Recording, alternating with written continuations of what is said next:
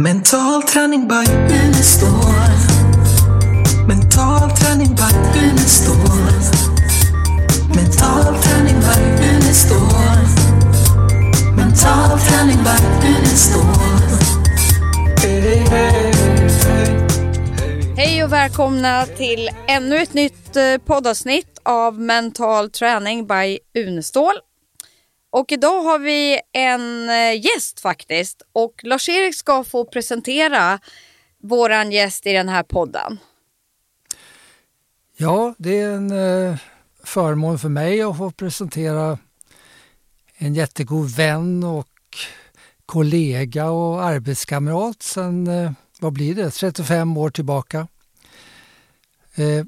Pia var ju någon som jag träffade Eh, fem år efter att jag kommit till Örebro. Jag kom dit 1970 och 1977 så hade jag börjat bygga upp psykologiska institutionen på universitetet. Tidigare har jag varit på GH och på Socialhögskolan och det var innan universitetet fanns. Men sen kom universitetet till och då behövdes det en psykologisk institution. Och jag var ensam på det området så att jag fick ta hand om den institutionen. Så att i en kurs då så kom det en student som hette Pia. Och hon var redan från början eh, mycket intressant för hon var hårdnackad kommunist och hon var ateist.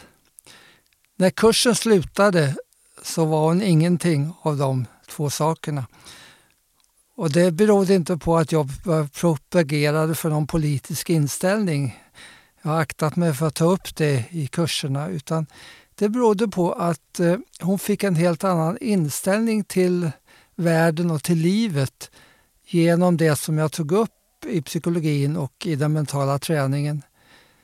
Eh, vilket gjorde att hela hennes världsordning rubbades och eh, från, den, från den dagen så fick hon en ny inriktning i livet.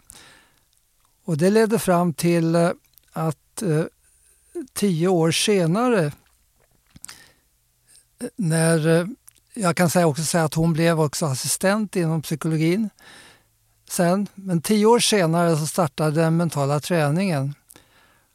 Och eh, det blev så många deltagare så att eh, vi visste inte riktigt hur Eh, Eh, hur vi skulle göra med allt arbete. Och eh, då tänkte jag Pia kommer att vara idealet för att gå in och ta hand om till exempel rättningarna till alla de som läser mental träning. Och hon tackade ja till det och det har hon fortsatt med ända fram till nu. Hon håller på och lägger av nu men hon har alltså gjort det här i 35 år. Och det är många utav eh, de som har läst mental träning som har henne att tacka för mycket eftersom eh, hon har varit väldigt engagerad i det här jobbet och gett många kommentarer och feedback och råd till de som läst mental träning. Under tiden har hon gjort mycket annat också. Hon har ju varit eh, på den institutionen Eh, för socialt arbete och fick där en uppgift som ingen annan hade fått förut. Och det var efter att vi hade startat eh, att köra mental träning på distans. Så tänkte hon att det borde man ju kunna göra med en hel utbildning. Så hon föreslog och fick igenom att hon skulle köra hela socionomutbildningen på distans och började med Gotland. Och sen har gjort det eh, med fyra andra ställen i Sverige. Så hon blev pionjär på det området också. Eh, under tiden hade hon doktorerat omkring kvinnors lärande. Och Det ledde också fram till hennes intresse för lärande att vi gjorde en 10-poängskurs i att lära att lära som gick genom eh, Skandinaviska ledarhögskolan i många år och som nu finns med i licensierad mental träning. Eh, ja, det är massor av saker som hon har gjort. Eh, hon har också skrivit många böcker. sju stycken plus hennes doktorsavhandling. Och eh, en del av de böckerna handlar eh, om mental träning indirekt. Eh, men vissa böcker handlar om att eh, ifrågasätta mycket av Eh, vanligt, vanliga åsikter. En bok heter Att lära Gud, att, lära, att eh, leka Gud. En annan bok heter eh, eh, Paradigmskiftet där hon tar upp eh, förändringar som har kommit genom åren och där mentala träningen tas in som en, en, eh, ett paradigmskifte inom eh, Eh, de vetenskapliga förändringar som har hänt. Hon har skrivit den här personliga utveckling genom mental träning som är med som en grundbok i den mentala träningen. Och hennes sista bok är intressant. Den heter Döden som livets största överraskning. Väldigt spännande titel och väldigt spännande bok. Så Pia, det är eh, verkligen en eh, förmån att få ha med dig med i den här podden. Och eh, du är väldigt välkommen. Tack Lars-Erik för din fantastiska presentation av eh, våran gäst i vårt nya poddavsnitt. Välkommen Pia Hellertz. Tack så väldigt mycket. Ja. Det här ska bli spännande. Ja, det tycker jag med. Du är ju en väldigt fascinerande person och har varit med om väldigt, väldigt mycket. Så vi kommer att ställa lite frågor till dig så får vi se vart vi hamnar någonstans under det här Jättebra. avsnittet. Till att börja med så är ju vi jätteintresserade och nyfikna på hur träffade du Lars-Erik Unestål? Ja, det är en historia för sig. Jag gick på socionomprogrammet här på dåvarande högskolan i Örebro. Och jag var faktiskt aktiv kommunist, ateist. Jaha. Någonting som, alltså det enda som räknades var det som vi kunde mäta och väga. Allting som handlade om psyke och sånt där, det var bara löjligt frum. Det var, jag till och med hånade sånt. Oj då. Eh, Så att när jag såg på schemat att det var, skulle vara psykologi nästa termin så tänkte jag faktiskt allvarligt på att begära, eh, vad det nu heter, tillstånd att slippa psykologikursen. Jag var inte intresserad av sånt där som hade med navelskåderi och sånt där. Men av någon anledning, jag misstänker väl att jag inte hade fått anstånd heller om jag hade frågat. Men av någon anledning så bad jag inte om anstånd utan jag började den här kursen. Och vi fick en väldigt fascinerande lärare som hette Lars-Erik Unestål. Och jag minns att eh, jag var fascinerad av hans lugna röst. Men det var inte det som gjorde, det var två saker som gjorde mycket starkt intryck på mig.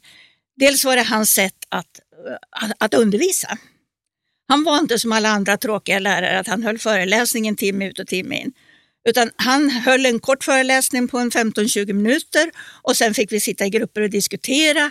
Och sen om det var möjligt så fick vi göra övningar och jag blev helt fascinerad. Helt fascinerad. Och det, jag skulle säga att det, hans sätt att undervisa inspirerade mig till mitt forskningsområde. Som alltså handlade om, min doktorsavhandling heter Kvinnors kunskapssyn och lärandestrategier. Så på sikt så kom han alltså att inspirera min forskning och, och, och ja, det jag kom fram till, hur undervisning borde gå till. Och den terminen hade du tänkt hoppa över? Ja, den hade jag tänkt hoppa av. Men eh, det som verkligen skapade, alltså, eh, jag vet inte vad jag ska använda för uttryck, men han öppnade radikalt mina ögon. Eh, han hade ju också en tendens att ibland ta hem elever till, eller ha undervisning hemma, antingen hos sig eller hos någon elev. Jaha. Ja, visst, och, och då kunde han lägga en del övningar så här på kvällstid hemma hos någon. Och det var ju jättespännande för det blev ju lite mer avslappnat. Och jag glömmer aldrig den här kvällen när han berättade om sin forskning i Uppsala.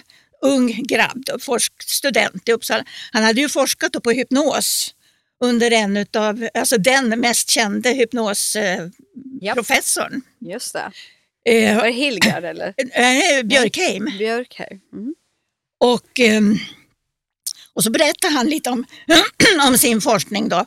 Bland annat det som verkligen, jag kan fortfarande känna hur nästan håret reser sig på mig när jag berättar om det. Han berättade att han hade då hypnotiserat en av studentgrabbarna som satt på en stol. Och sen fick den grabben eh, instruktioner, suggestioner om att gå ut genom dörren där, gå ner genom trappen, gå över gatan, gå in i huset mitt emot, gå upp för trappan, gå in i lägenheten till vänster och se vad ser du där. Och killen sitter där på sin stol och så säger han, jag går ut genom dörren, jag går ner för trappan och så vidare. Och så vidare.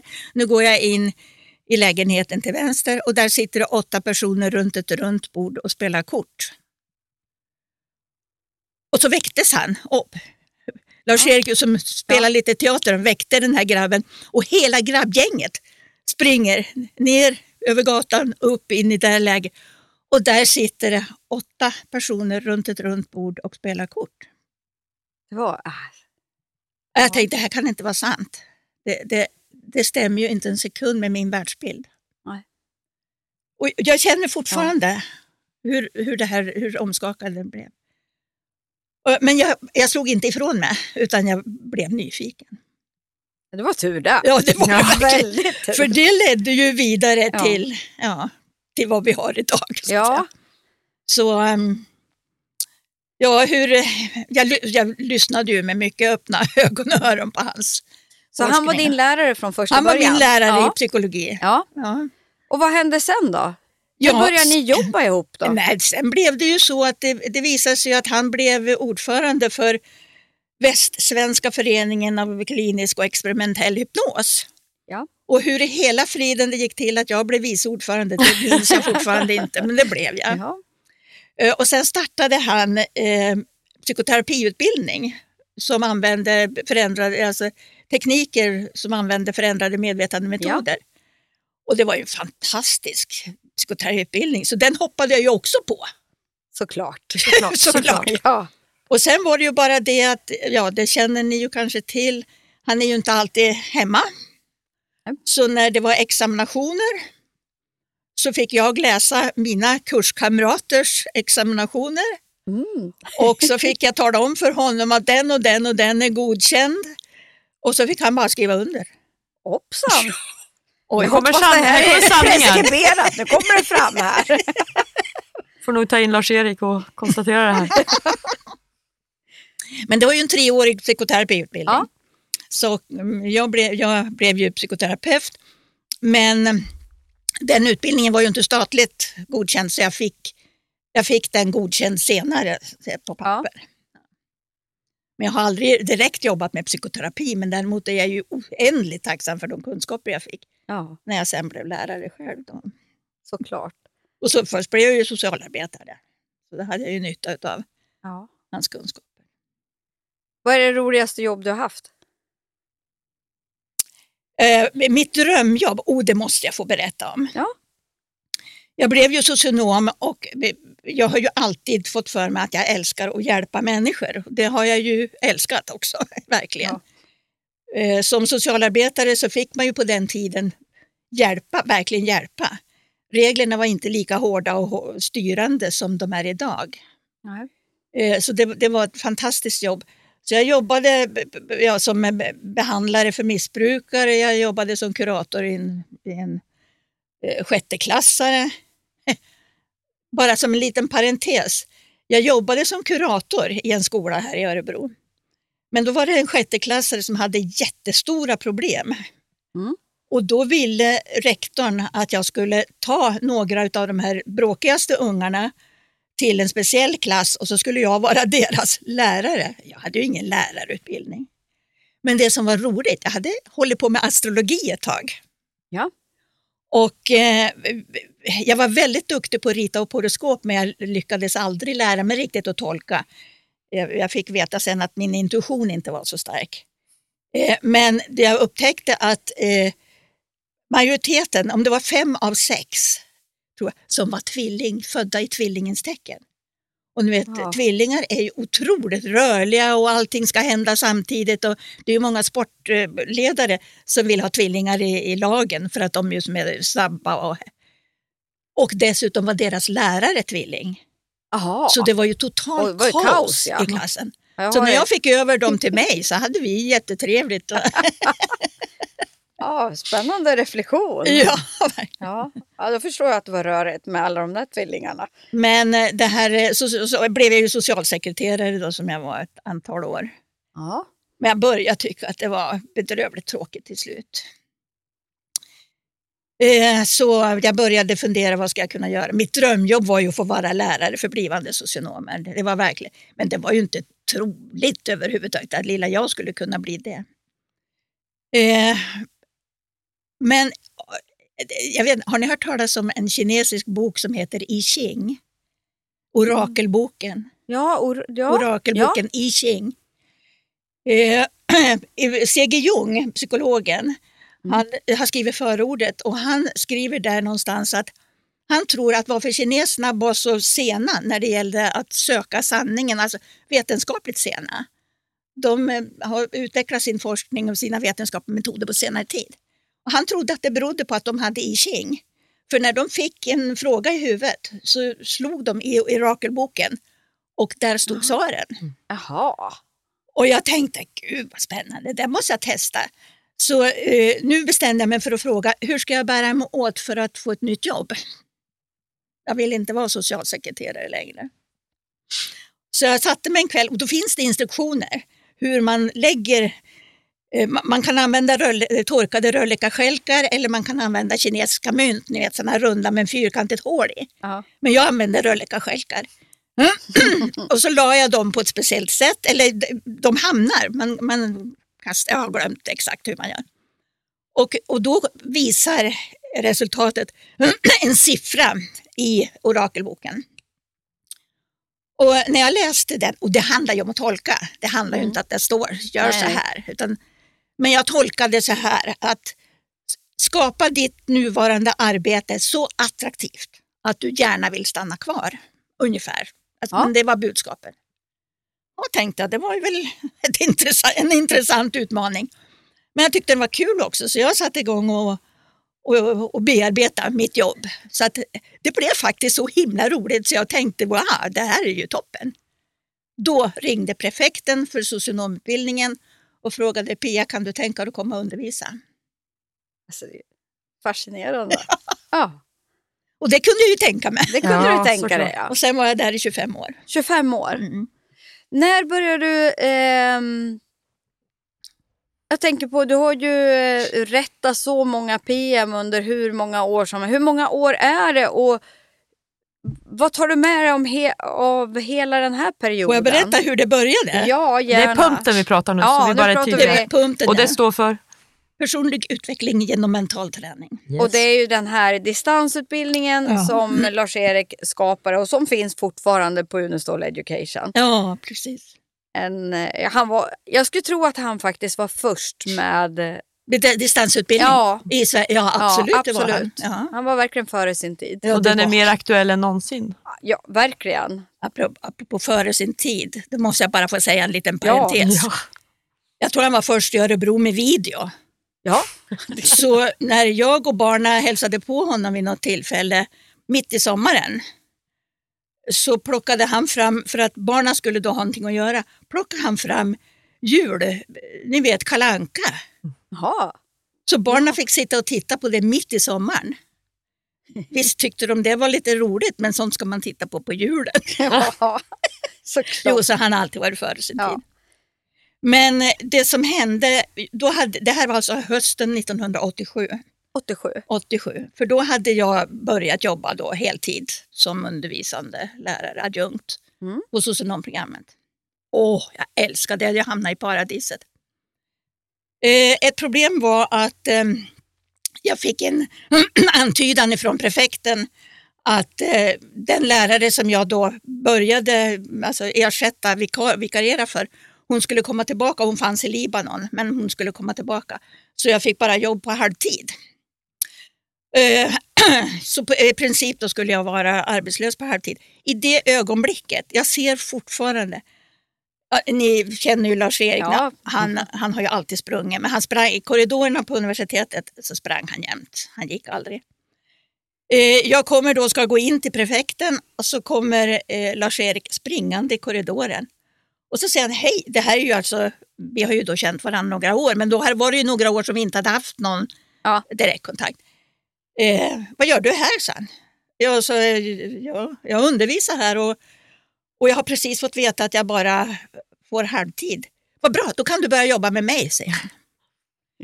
Då hade han fått rektors godkännande att starta sin gamla kurs idrottspsykologi och mental träning på distans. Och det var fantastiskt.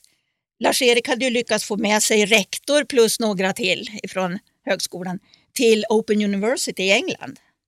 Så att de fick liksom se hur de jobbade och inspireras. Och så. Ah så rektors budskap till Lars-Erik var att om du får 50 studenter så får du sätta igång och eh, köra idrottspsykologi och mental träning på distans. Och Lars-Erik satte igång.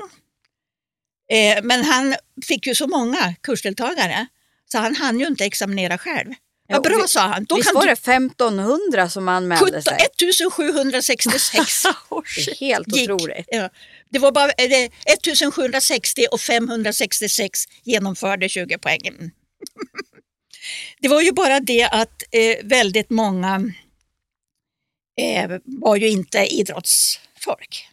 Nej. Utan han upptäckte ju snart att människor använde teknikerna, mentala träningstekniker, för andra. Ja. Till exempel gå ner i vikt och, Ja. och ja, Må bli en duktig och- ledare. ja. Eller vad det. Så då fick han tillåtelse också att, att skapa två kurser. Den ena idrottspsykologi och mental träning och kursen personlig utveckling mental träning. Men det var samma kurs. Ah. Men skillnaden var alltså att först i slutbetyget då som personalavdelningen på högskolan fick eh, skriva ut så fick kursdeltagarna själv önska om de ville ha idrottspsykologi eller personlig utveckling. Det var spännande. Det har jag aldrig hört. Spännande. Kul att få höra nya grejer. Och så sen, men han är ju, han är ju helt otrolig. Eh, varje terminslut, eh, traditionellt terminslut, så hade han ju höst och vårmöten i matsalen på högskolan. Och eh, de som då hade blivit klara med pumpen då, Mm. Eh, vi lyckades få personalavdelningen att skriva ut pappret Ja. i tid, så de fick ju ligga det, ja, det sista natten nästan Ja. och skriva ut intygen. Så då hade vi en ceremoni så jag fick dela ut de här intygen till de som var klara. Och den har ju fortsatt även på Skandinaviska ledarhögskolan sen- ja, men det är under precis. många år. Så var det ju på vår, I vår början där, Ja, ja. i början var det så. ja. Ah. Jo, det var verkligen ett äventyr. Det var verkligen ett äventyr. När jag tänker på mental träning, vad säger du om det? ja. Att samarbeta med Lars-Erik Unestål har verkligen varit mental träning på många sätt. Jag vet. Men eh, eh, väldigt tidigt, jag, jag måste få ta det också, för vi spelade in, han spelade ju in eh, videolektioner och föreläsningar på sådana här VHS-videokassetter. Och när kursdeltagarna började så, jag menar de började ju innan hela kursen var inspelad. Så han fick ju ligga och spela in. Allt eftersom kursdeltagarna... Framförhållning. Ja. Ja, det, det var Eh, Och det var ju lite nervöst. Så kvällen innan så kom han på, han tycker ju alltid om att ha publik. Ja. Eh, Ja. För då han vill ha lite, lite dialog Interaktion, och så här. ja. Ja. Så då kvällen innan kunde vara, hur får jag tag på publik? Så då kunde han engagera en klass på högskolan som fick utgöra publik. Ja. Och så sen kunde han bara komma och säga, Pia, idag ska vi prata om, eh, ja, och så var det något tema, följ med. Och jag hade ju, i början hade jag ju aldrig suttit i en sån där inför video.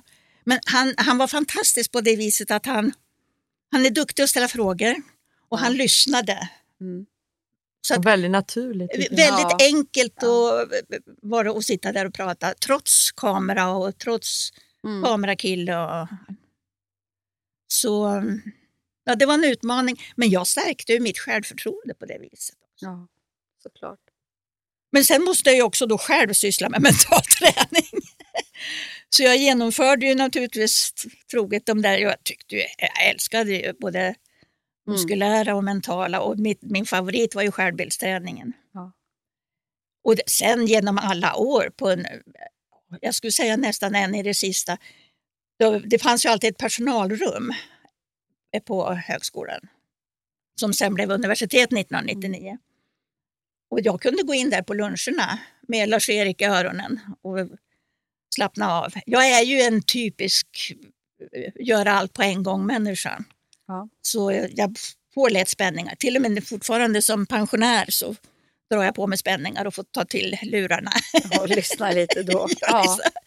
Bara det här att spänna och, och slappna av är ju otroligt skönt. Eftersom du har läst så många PM och så här, vad, vad kan du se som en röd tråd eh, som finns med i många, många svar hos eh, de som har gått igenom den här utbildningen? Ja, det, det första som poppar upp det är ju hur, hur man är i slututvärderingen säger att det här var det bästa jag någonsin har gjort och den bästa utbildningen jag någonsin har gått. Och det, och sen. Men sen det som också kommer fram ganska ofta det är ju att Gud, den här delkursen kom precis i rätt ögonblick eller den här boken blev perfekt för mig nu för jag, här, här får jag förklaringar på en alltså, Mm. ständig bekräftelse. Ja, Det är det verkligen. ja fantastiskt. Och sen tycker jag det är intressant också. I princip skulle jag säga att det är två typer av människor som, som går kursen. Den ena typen som redan har lite, de kanske är någon coach eller lärare eller någonting och som vill bli bättre på att hjälpa människor. Och den andra typen som vill förbättra sig själv, utveckla sig själv. Och, och, och, och jag fann också att de som vill utveckla sig själv upptäcker men gud, här, det här kan jag ju använda för att hjälpa andra människor. Ja. Medan de som ville ha, ha kursen för att kunna hjälpa andra människor upptäckte wow, det här är ju bra för mig också. Ja. Just det där bli Ja. medveten och ta ansvar i sitt Ja, egna liv. Ja. Visst. Det jag tycker är fascinerande också med eh, punkten, då, den Mm. mentala träningen, är ju att den är, han har utformat den så att den är ju till faktiskt för alla. Ja, För det är ju ovanligt med utbildningar som jag menar, alla kategorier av Ja. människor kan gå. Och Ja. Du kan vara arbetslös och långtidssjukskriven, professor, eh, snickare, sjuksköterska, läkare, vad som helst. mm. Det tror jag är rätt så unikt. Du som liksom hållit på mycket med utbildningar, håller du med mig eller? Alltså, ja faktiskt. Nu har jag ju i och för sig Ja, det är klart, jag har ju gått en massa kurser. De flesta kurser är ju riktade mot, speciella, mot Ja. speciell målgrupp. Men eh, jag menar, det... Vi har ju alla, vi har kristna, vi har muslimer, vi har Ja. buddister, vi har new ageare, vi har ateister. Och det, det passar alla. Ja, det, jag tycker att det är unikt Och det som med du det. säger, det, vi har läkare och präster och, och murare och Ja. chaufförer och, och alla. Unga och alla Ja, åldrar. visst, och, ja det också. Ja. Och det, det, där säger du en sak. Oavsett vilken ålder de är i, så säger de, gud det här borde jag ha läst tidigare. Och, och det roligaste var när vi hade en 18-årig kursdeltagare som också säger, det här borde Ja, jag ha läst tidigare. ja, det är fascinerande. Ja det är det ju ja. verkligen. Ja. Är det något speciella som du kan komma ihåg sådär som du känner att... Person? ja. Eh, jag, jag tycker nog att den person som poppar upp då och då, det är arbetsledaren som var livrädd för att prata inför folk. Så han, alla möten och så här, och det är klart hans medarbetare växte ju, för han vågar själv inte prata, men han lät sina medarbetare göra det. ja. Och eh, när, när han ha- var, hade gjort klart kursen, då fick inte hans medarbetare prata längre, för då hade han börjat njuta av att göra det. ja, det är fascinerande. Ja, Härligt. Du, du har ju, eh, ja det är ju mycket du har varit med om, men jag är ju lite intresserad av det här som jag bara har hört lite grann i förbifarten att det måste vara många år sedan där du av någon anledning hamnar i en sekt. Vill du berätta om det? Ja, För det är ju intressant, vad är det för mentala mekanismer som, som gör att man går med i en sån och även vad krävs för att kunna ta sig ur som du verkligen gjorde? mm. Är det före eller efter du började studera? Nej, det, var, eh, det var under tiden som jag jobbade som lärare. Jaha. Ja. Oj, spännande. Eh, men eh, jag kan väl bara nämna en, en, kort att jag har ju sedan 44 år tillbaka anammat en, vad ska jag säga, en andlig vishetslärare som heter Martinus, en dansk författare och vishetslärare. Den här, då när det här med när sekten startade, Ja. då bodde jag i en fastighet här i Örebro som en god vän ägde. Vi kallade det för växthuset i Örebro. Det var ett, en kursgård för personlig utveckling. Mm. Och i, runt om i Sverige så finns det sådana så kallade växthus. Växthus med dubbelt V i början. Där eh, kärnan finns på Väddö hos Lena Kristina Tulse. Och vid den här helgen skulle vi ha årsmöte. Så det kom folk ifrån alla växthus i Sverige. Och tidigt på lördagen, det här lördag söndag, tidigt på lördagen så fick vi höra rykten om att det skulle komma ett par indianer på kvällen. Vet, alla blev ju så här, indianer är ju något extremt exotiskt. Så det såg vi fram emot. Och fram emot kvällen, mycket riktigt, så kom det två otroligt vackra herrar. En, ja, vad, vad kan han ha varit, 40-årsåldern och sen en grabb i 25-årsåldern, någonting sånt där. Hur gammal var du då? Ja, vad kan jag ha varit? Det, jo, det var 91. Så Ja. hur gammal? Jo, jo, just det, jag skulle ju fylla 50 på hösten. Jaha. Just det. Just det. Eh, och han, den här shamanen då, ledaren, han var så otroligt kunnig, otroligt fascinerande. Och han kom, började också berätta, förutom att han berättade om helgonet Birgitta och, och en del, alltså han var så beläst, så nämnde han i förbigående Martinus. Och, eh, och sen berätt, berättade de att eh, deras mission det var att eh, rädda planeten jorden. Och eh, bland annat så berättade han att eh, så som vi bedriver vår skogshantering idag är väldigt destruktiv. Så eh, de försöker köpa upp plättar av jord runt om i världen för att skapa en plantera jord, skog som skulle vara så att säga hälsosam för planeten jorden. Och vi tyckte ju, jag tyckte det här lät ju helt... Jag kan ju säga det att vi var väl kanske 20-30 personer på det här mötet och vi samlade ihop 50 000 till honom. Mm. Eh, och jag var ju så fascinerad så dagen därpå, de var, jo, sen på kvällen då när mötet var slut och det skulle vara dags för, för att gå hem var och en till sitt, så frågar de, finns det någon park i närheten? Och jag minns att jag sa, var, var, varför frågar du? Jo, för, för vi vill sova där. Men så, här, gud, här finns det mycket utrymme, man kan sova här inne. Vi sover aldrig inomhus. Ja, ni hör, det är ju lätt Ja. att fascineras. Mm.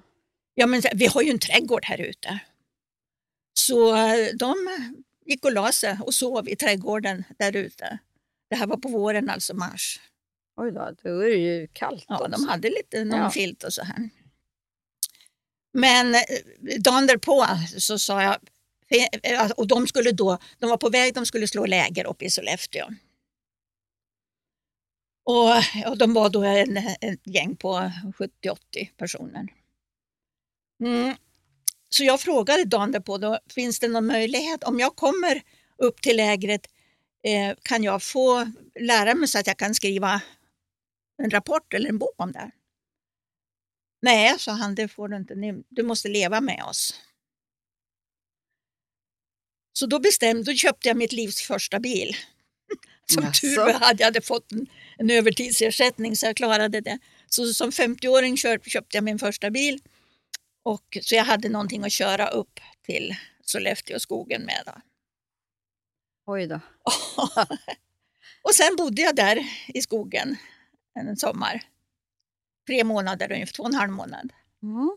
I det de kallar för Guam, men som andra kallar för tipi. De hade ju sitt eget språk. Precis som i många sekter Mhm. så använder, skapar de sitt eget språk. Hur var det att leva där då? Jo, det var, det var spännande. Det var bara det att... Eh, jo, nej, det var jättespännande. Och jag ville ju fortfarande skriva om dem. På hösten så skulle jag skriva en, eller gå en kurs som heter Det goda samhället, en doktorandkurs. Då hade jag börjat forskarutbildning. Ja. Och då tänkte jag, men det här har vi ju ett exempel på det goda samhället. Så jag skulle ju skriva om dem. Och då ville jag ju lära, och det kom ju massa turister till lägret. ja. Så um, för att verkligen få lära mig så följde jag, han hette Matterhorn, den vackra indianen, som hade guidade turer runt skogen. Och som visade sig sen inte heller vara indian då, men han Nej. såg verkligen ut som en indian. Och han berättade allt om, om deras idéer, varför de odlade som de gjorde, varför de levde som de gjorde, relationer inom gruppen. Ja, det var otroligt fascinerande. Och jag hängde med dag efter dag efter dag och gjorde anteckningar och spelade in. Och... Så efter eh, en månad då fick jag ta de där guidade turerna. Jaha. Så jag gick runt där och berättade för turister. Hade du avancerat där? Ja, verkligen. Ja. Och inte nog med det, eh, shamanen lovade ut att han skulle göra shamansk healing. Eh, så då fick jag till och med sitta på ett kontor i ett, ett eh, hälsohem som låg alldeles nära den. fick jag sitta på kontoret inomhus och svara i telefon. och- Ja. Ja, ja. Men jag kan väl säga att det blev bara en enda klient som kom och, och ville ha shamansk healing. Vad var det viktigaste du tog med dig själv från en sån sommar? Jo, det absolut bästa det var ju, alltså, och jag trodde ju fortfarande hela tiden på att de var sanna. Eh, men det började i slutet på sommaren komma rykten om att det stod i pressen att de var falska indianer och så här. Och, och, det vi som då trodde på dem sa, "Det- titta det är typiskt, här sprider man rykten om och så vidare. Och så vidare. Men jag kom ju hem till eh, Örebro då och skulle börja undervisa på hösten. Och eh, ja, det, det är fascinerande det här med den så kallade slumpen. Bland det första, och då skulle jag ha en sjunde termins, alltså examensterminen också. Och det innebar ju att jag var handledare för C-uppsatser. Och så kommer det två tjejer och säger vi skulle vilja ha dig som handledare och vi vill skriva om sektberoendets konsekvenser. Oj då. Det är jag. Så under den terminen fick jag ju följa, jag menar, de läste forskning och de förtalade- berättade för mig om hur sektteori eh, var. Det var helt perfekt. Och jag minns fortfarande hur skakad jag blev när jag kände, men herregud, de, de berättar ju om den här sekten som jag Mm. har varit med i sommar. Blev du medveten om det då eller Ja. hade du börjat, eller, eller Eh, hade nej. du blivit det tidigare? Nej, nej, nej. Nej, Jag var nej. helt, helt... Var Jag, jag förstår varför man kan bli... Alltså man blir förförd. Ja. Man blir förförd. Mm. De, se- sektledaren är suveränt duktig på det jag idag kallar för mind control, Mm. alltså manipulering av psyket. Ja. Och shamanen han var ja, ofattbart charmerande. Alltså. Mm. Verkligen. Vad hände med, med, med dem då? Eller, På hösten när, när ryktena blev alltför starka att de var falska indianer och, då fick de det finska miljöpartiets stöd att flytta till Finland. Mhm. Så de gav sig iväg upp till vid norra polcirkeln sent på hösten. Jag hade ju en väninna som hon, hon blev ju kvar. Hon hade ju inte världens mest attraktiva jobb att gå tillbaka till som jag Nej. hade. Så hon följde ju med dem till Finland och bodde där tillsammans med dem över vintern. Och det var ju hemskt. Mycket Ja. hemskt. 40 grader kallt och sånt här. Och hon, hon, blev ju, hon hämtade sig aldrig så hon är ju gravt handikappad idag. Usch då, ja, vad Ja. tråkigt. Men så var, det, var det jobbet som räddade dig Ja, så att du var det kan man tvungen säga. kan man säga? Ja, jag ville hem. Hem och... Plus att jag inte hade lust att ligga på granris. Nej. Lite bo, båda ni två är ganska kloka, men liksom hur, hur är det möjligt att man kan bli så Fascinerad. betagen? Ja, precis. Har du inte varit förälskad någon gång? Jo, nej, men, jo men absolut. Men jag tänker Lena om det finns, det finns någon logik i, alltså ni som, som jobbar mycket med kan man eh, hitta någon liksom? Eller är det bara att det blir så? Han sa de rätta Mm. sakerna. Mm. Alltså, han, han levde på ett sätt som jag trodde på. Som, Jag var ju miljöpartist. Ja, jag tänkte just säga Ja. att det fanns ju ett värde just Oh. det här med jorden och Oh. naturen. Ja, Och, visst. och, så det stämmer överens med värdegrunden kan ju vara en sak som gör att, att det är lättare att fastna. Mm. Ja. Sen var det ingen nackdel att han var snygg eller? Nej, fast han var inte snygg på ett sånt sätt Nej. så att jag var attraherad av Nej, honom. utan det var mer... Utan denna otroligt vackra, han såg ut som en indian. Mm. Det, sen har jag ju fått veta då att han levde som tonåring i en indiansekt i Kanada, Mi'kmaq-indianerna. Där han, han drömde själv om att Ja. vara indian. Och han tog ju med sig de här Mi'kmaq-traditionerna till, till sin sekt. Då. Mm. Det är ändå spännande liksom, just det där. Det, nu har jag ju haft kontakt med ett par personer här bara på senaste, senare år som av olika skäl har blivit intresserad av sekten och som jag har haft möjlighet att ge information till. Jag har ju skrivit en rapport om, om den här sekten också som ligger på min hemsida. ja, och den heter... Eh, ja, vad heter den? hemsida? Gaialand. I, i, Gaialand. Men vad heter din hemsida? Ja, Pia.hellertz. Pia.hellertz. Där sen- kan ni läsare som är intresserade där. Pia är ju en mästare på att skriva rapporter, sammanställa mass, massa fascinerande böcker också. Jag vet inte riktigt hur det Spännande hinner. person överhuvudtaget. Det är Ja. min, det är en, jag brukar säga att det är min nördiga pensionärssysselsättning. Jag älskar att läsa. Hur många böcker läser du per vecka? Jag vet bara att på de här ja, tio åren eller vad det är. Hur länge har jag varit pensionär? Sen 2008 formellt. Sen 2014. Ja, Mm. sen så har det hamnat över 500 artiklar om böcker på min boksida. Helt otroligt. Och det, Ja, det, det gör ungefär 50 om året. Så det bör väl nästan bli... Alltså, en, är det en svensk bok så tar det en vecka. Men en, är den på engelska då tar det ett par veckor. Och samtidigt har du hållit på med punktarbetet. Ja, men det gör jag bara på lördag och söndag. Lördag, söndag. Hur och många, hur även till många licensierad mental tränare har du läst också under alla, alltså båda de här, steg ett och två. Ja, Ja, även eh, PTL då tidigare. ja, ja precis. Och sen UMT ett tag också. Ja, det gjorde du. UMT, Unestål Mental Training. Ja, på Ja, engelska. Ja. Ja. Du har passerat många människor. Ja, jag har ju försökt att räkna, men Mm. eh, det, det är inte lätt. Vad, vad kom jag fram till senast? 2 500 eller vad var det? Ja. ja, det är fascinerande. det? Och, det, och varje... Och, och till, på, eh, när jag läste de fem åren på högskolan, då hade ju PUMT 10 kurs, delkurser. Ja, 566 eh, tog 20 poäng i mental träning. Så bara det är ju 5660 oj, oj. PM. Ja. Plus alla de som, som inte, alltså, som avbröt på vägen. Du, vad, eh, vilket är det roligaste minnet du har eh, med Lars-Erik? Som du kommer på? Eller det mest galna du har varit med om? Ja, gud. Han är ju rätt så kreativ. Jag Ja, menar, det är det kan man mycket som väl- har hänt. Liksom. Om vi Man- säger så här, jag har ju in, aldrig kunnat säga nej till hans idéer.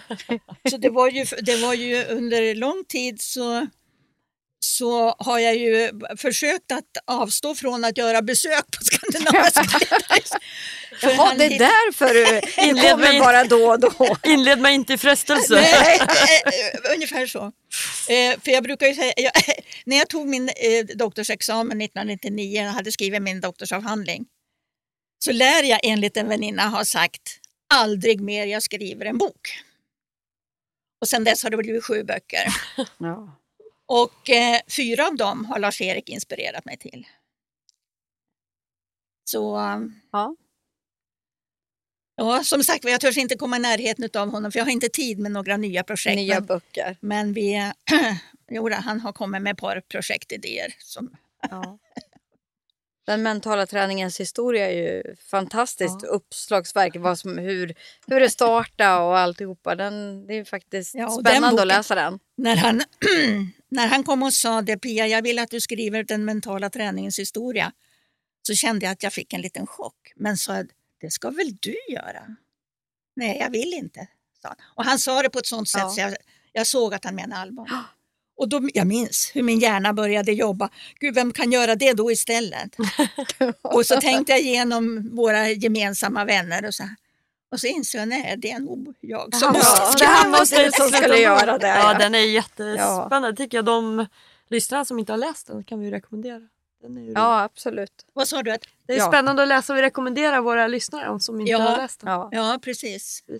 Ehm, och det var ju så roligt för trots att jag då hade känt honom i väldigt många år så, och jag är ju en ekorre så jag sparar ju på allt. Jag hade, som tur var hade jag ju massor med dokumentation som jag kunde använda.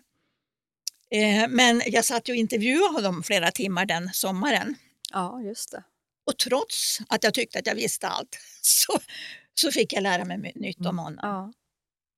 Det upplever ju vi med här i podden. Liksom. Så- ja, det kommer upp nya grejer och, Ja. eh, som man inte har hört som Ja. är jättespännande emellanåt. Ja, det här, han är en otrolig person. Ja, Gud har sänt honom, till, vi, håll, vi håller med. Ja. eller vem det nu är som har sänt honom. Ja. ja. Mm. Någonting mer som du vill tillägga innan vi rundar av? Ja, en sak som jag tänkte säga tidigare när du pratade om det här med, med, min, min egen mentala träning. Ja, Ja. En sak som eh, överraskade mig då och då, jag, jag, mitt favoritprogram var faktiskt självbildsträningen. Mm. Så det brukade jag, eh, bara för att jag njöt av att ligga och lyssna. Jag slapp, jag slapp ju som spännande, man Ja. slapp göra något. Ja, jag slapp, det kunde vara slapp mer. målprogrammera, jag kunde bara ligga och lyssna. Och då hände det att jag upptäckte, och det här hände genom åren som när jag undervisade. När jag satt på möten eller när jag föreläste. Eller någonting. och så plötsligt upptäckte jag att jag vågade säga och göra någonting som jag inte tidigare hade, visste att jag inte vågat säga och göra. nej. Det, det är fascinerande. Ja, För det stämmer, när jag började läsa eh, Pumt också så, så blev det så att den här personliga utvecklingen märkte man inte förrän man började reflektera Nej. efter ett tag. Men nu gjorde ju jag annorlunda. mm. För ett halvår sedan då skulle jag ha reagerat och betett mig och sagt och tänkt så här. exakt. Och nu gör jag så här. Så det kan liksom, den personliga utvecklingen kommer smygande och det är fascinerande. Mm. Ja, det var väldigt Ja. överraskande. Men det finns en sak som jag inte har klarat av. Och, Än. eh, ja, nu tänker jag inte ta itu med det. Okej. Och det var vikt, vikten. Jag har alltid i hela mitt liv haft problem med vikten. Och jag, jag, visst har jag gått ner ibland och så har jag gått upp igen. Så frågade jag Lars-Erik en gång att Mm. eh, varför tror du att jag inte går ner i vikt? Och då säger han direkt, jag tror inte du har hittat en attraktiv målbild. Nej. Det gick direkt in i mig. Ja. Därför att de människor som jag har älskat och tycker är supermysiga, det är mulliga människor. Ja. Men det är så jag tänker på när jag ser dig. Du är oerhört vacker och du ska ju vara precis som du är. Det är ju det, den du är. Jag har bara sagt till mina barn, ni får bygga en bredare kista. Det kan det Men vara det, det, stä, det stämmer nog faktiskt. Just det här att målbilden är ju så otroligt viktig. Ja. Och stämmer inte, även om du liksom tänker den kognitivt men inte gör det, får in det i hela dig i, Mm. i ditt inre, ja då, då spelar det liksom ingen roll. Jag hittade häromdagen, när jag sitter och rotar i datorn ibland, så hittade jag en text som jag skrev 2010, hur jag ville att vi skulle bo. Jag bor ju i samma villa som min dotters familj. Och då skrev jag ett antal punkter, precis hur jag ville. 2011 så hände precis de här sakerna. Ja. Och då hade jag glömt det där som jag skrev 2010. Det hittade jag nu. Ja, Så jag skickade till min dotter och sa, titta här. ja. Det var en mycket kon- Men det lite härligt på lunchen så också som du säger, jag har kommit hem. Du sa det Ja, verkligen. Där, jag har verkligen kommit hem där. Mm. ja du bor jättefint, det är Ja, jättemysigt. Fantastiskt tycker jag. Ja, vad kul att du faktiskt eh, ville vara med Mm. i våran podd Mental träning by Une Ståhl. Eftersom eh, du inte brukar vara med i poddar och vi har lyckats få hit det så är jag jätteglad för det, verkligen. Eller vi Tack är för det. Ja, jätteglada. verkligen. Tack ja. för det här spännande äventyret. Ja, Eh, Nu kan du checka av eh, att du har poddat Ja, också. precis. Ja. Mm.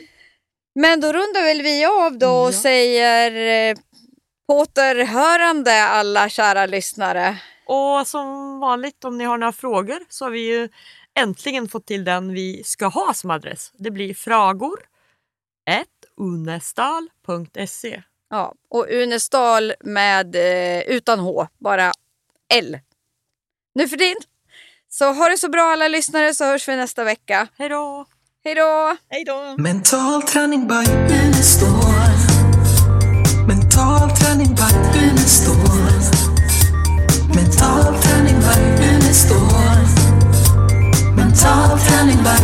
stolen